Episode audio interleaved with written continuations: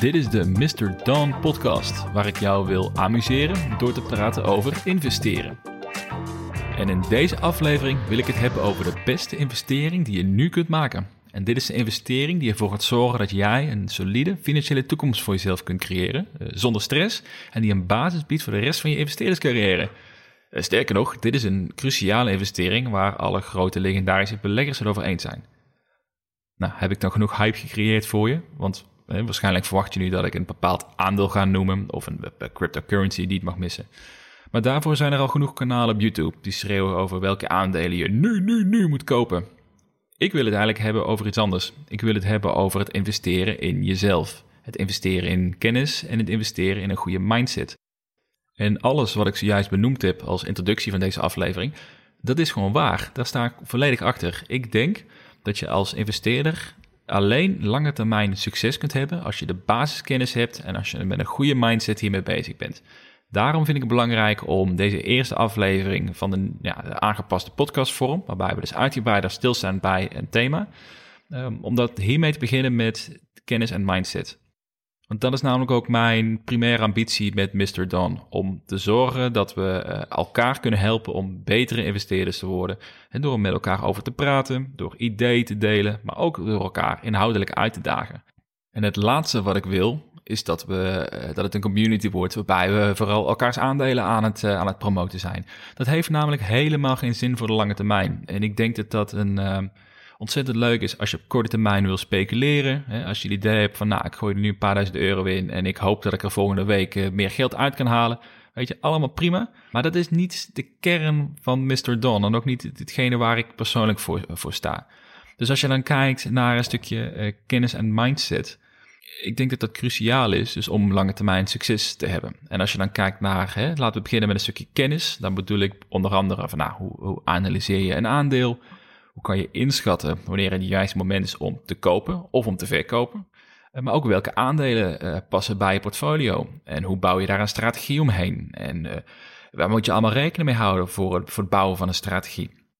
Maar als je daar geen idee over hebt, dan is het heel verleidelijk om gewoon mee te gaan in hetgene wat anderen zeggen. En dan is het heel makkelijk om een, filmpje te kijken op YouTube, die je dan het eerste het beste aandeel uh, promoot, aangeeft dat het waarschijnlijk vijf keer over de kop zal gaan in de komende maanden. En dat je denkt, nou, aannemelijk, ik heb niet de tools om het voor mezelf verder uit te gaan zoeken. Ik ga het kopen en ik ga gewoon zien waar het schip strandt. En dat kan, weet je, dat, dat, als je, dat je manier is van beleggen, dan is dat, uh, weet je, dan is dat prima. Daar heb ik ook geen, uh, geen waardeoordeel over. Maar ik ben wel van mening dat je dan niet aan het beleggen bent, maar je bent aan het speculeren. En dat is ook prima, maar daar spelen hele andere regels komen daarbij kijken. En hele andere wetten die daar een, een rol spelen. En dat is niet iets waar ik het over wil, uh, te veel over wil hebben. Al is natuurlijk speculeren af en toe wel onderdeel van hetgene wat we doen. En wat, ook, wat het ook wel leuk maakt natuurlijk. Maar wel gewoon met mate, ja, op een bewuste manier.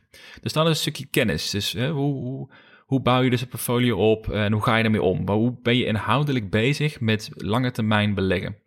Maar minstens zo belangrijk vind ik nadenken over de mindset die geldt voor, uh, voor een belegger of een investeerder. Dus als je jezelf ziet voor een belegger voor de lange termijn, eh, waarom zou je dan zorgen maken voor de koers, wat hij de afgelopen week gedaan heeft, of wat hij, wat hij gisteren gedaan heeft? En waarom zou je daarop gaan anticiperen? Dus het is heel verleidelijk namelijk om, uh, zeker als beginnende belegger, om dagelijks te kijken naar je, in je broker-app, om te kijken van wat er allemaal aan de hand is, wat, wat je koers gedaan heeft, wat je, of je aandelen al winst gemaakt hebben. En iedere beginnende belegger doet dit, hè? Dus ik heb het zelf ook meegemaakt. Ik denk het eerste, nou zeker het eerste half jaar, ben ik dagelijks, eh, wel meerdere malen in mijn broker-app gegaan om te kijken hoe mijn aandelen doen. En misschien moest ik namelijk wel actie ondernemen. Hè? Misschien was de koers zo hoog opgelopen dat ik moest verkopen. Of was de koers zo ver gedaald dat ik moest bijkopen. Eh, punt is, als je op die manier ernaar kijkt en met zo'n korte termijn mindset werkt, is dat je eigenlijk niet voor de lange termijn nadenken bent. Want je acteert op basis van een koers. En je acteert niet op de idee die je hebt waarom je oorspronkelijk het aandeel hebt gekocht. En dat zijn uh, belangrijke dingen om te begrijpen en waarom mindset zo ontzettend belangrijk gaat zijn voor je lange termijn uh, rendement die, uh, die je helemaal haalt. Maar wat ik ook belangrijk vind, en is iets wat ik, wat ik veel zie, zie opkomen, zeker op social media, is dat het heel verleidelijk is om ook te kijken naar de resultaten van anderen. En natuurlijk is het leuk om je resultaten te delen en ook te, horen hoe anderen doen in de markt, hè, om jezelf een beetje te kunnen vergelijken of een soort, soort benchmark te creëren daarin. Maar het is tegelijkertijd ook wel gevaarlijk voor je mindset, want het is een hele makkelijke stap van interesse tonen in iemand anders tot afgeleid worden door de resultaten van iemand anders. En in de afgelopen periode vond ik het meest treffende voorbeeld, vind ik de situatie rondom GameShop. Daar hebben een aantal uh, speculators of beleggers die uh, vroegtijdig zijn ingestapt, die hebben daar een gigantisch rendement uitgehaald. je kon uh, tot denk, ruim een maand geleden nog voor 4 dollar kon je, kon je instappen, of misschien twee maanden geleden. Nou, dat is 10 keer tot 50 keer tot al meer over de kop gegaan in een hele korte periode. En dat kan dan opeens je benchmark worden, omdat je denkt dat dat de standaardgang van zaken is. Zeker als je door die situatie bent geïntroduceerd in de beurs en daardoor uh, bent begonnen met beleggen. Dat je denkt van wauw, ik kan in één klap kan ik mijn geld vertienvoudigen als ik de juiste keuzes maak. Dus ik ga uh, de volgende keer als er een GameStop-achtige variant voorbij komt, uh, ga ik al mijn geld inzetten om te zorgen dat ik die tien, tienvoudige rendementen eruit haal. Ja, en dat dat zijn de dingen die ervoor zorgen dat je uh, jezelf daarin ontzettend tegen gaat komen. Maar het zijn ook geen realistische verwachtingen om lange termijn, uh, om lange termijn te beleggen. En dat is iets wat wel, denk ik, heel belangrijk is. En waar we uh, ook elkaar, denk ik, meer in moeten gaan helpen. En dat is de, de, het begrijpen van wat is nou beleggen in de kern? Wat doet het voor lange termijn voor je? wat zijn dingen waar je tegenaan kan lopen? En dat ook gewoon begrijpen. En wat beleggen zo leuk maakt en zo persoonlijk maakt, is dat iedereen zijn eigen strategie aan kan houden. volledig afhankelijk van uh, hoeveel risico je wilt nemen, uh, wat je tijdshorizon is, wat je doelstellingen zijn. Als je namelijk graag gewoon wilt beleggen om het extra inkomsten eruit te halen op maandbasis en je kiest voor een dividendportfolio, dan heb je een hele andere doelstelling en een hele andere strategie dan iemand die heel actief bezig is om zijn kapitaal te laten groeien met groeiaandelen bijvoorbeeld. Die daar tegenover weer veel meer risico zal nemen om uh, te zorgen dat hij een grotere groei meemaakt. Onderaan de streep kan dit betekenen dat de dividendbelegger over een periode van 50 jaar eh, heel succesvol kan zijn en heel stabiel kan groeien naar, eh, naar zijn doelstellingen. En voor de, de groeibelegger kan het betekenen dat hij, dat hij één jaar bijvoorbeeld een enorme rendement haalt. Het jaar daarna enorme dalingen laat zien. En op die manier zeg maar, langzaam maar gestaag met juiste keuzes maakt. Uh, ook zeg maar, richting een goed resultaat gaat. Maar de, de weg ernaartoe is heel anders. En daarom is het moeilijk om jezelf één op één te gaan vergelijken met hoe andere beleggers het doen, zonder te begrijpen wat hun strategie is en wat hun redenen zijn om een bepaalde keuzes te maken. En ook te begrijpen hè, wat de keerzijde van de medaille is. Leuk als iemand um, ehm, 100% rendement haalt om een week in een aandeel, maar dat haal je alleen als je enorme risico's neemt. En want tegelijkertijd was het net zo mogelijk geweest dat diegene de helft van zijn geld kwijt zou zijn geweest in een week. En dat is iets wat je niet snel zult zien als je bijvoorbeeld belegt in stabiele dividendbedrijven.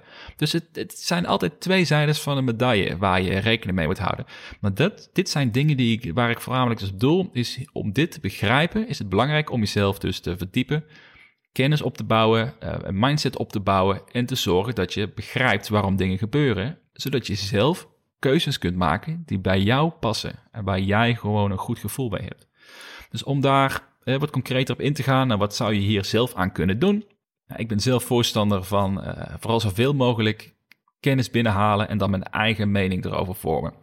Dus ik lees daarover wel boeken zoals bijvoorbeeld The Intelligent Investor. Die vind ik een, uh, nou, bijna een verplichting als je, uh, als je een, value investing achtergrond uh, ambieert. Of dat interessant vindt. Maar als je net begint zou je ook kunnen overwegen om het boek Beleggen voor Dummies te kopen, bijvoorbeeld. Het helpt je gewoon op weg om de basiskennis te krijgen die je nodig hebt. Nou, voor, ik heb ook voor beginnende beleggers heb ik ook zelf een e-book geschreven. Jouw eerste aandeel, die is gratis te downloaden op mrdon.nl, mocht je dat, mocht je dat leuk vinden. En ik denk wat ook een hele belangrijke is, is zoek je rolmodellen uit. Het internet staat vol met mensen die schrijven over, over beleggen, over de beurs. Uh, wees kritisch. Kijk naar diegene waar jij je goed mee kunt identificeren, uh, die je vertrouwt. En volg vooral die personen. En probeer gewoon continu voor jezelf na te denken over waarom maak je keuzes, welke keuze zou ik maken. En probeer die mensen te begrijpen uh, die jij ziet als een rolmodel.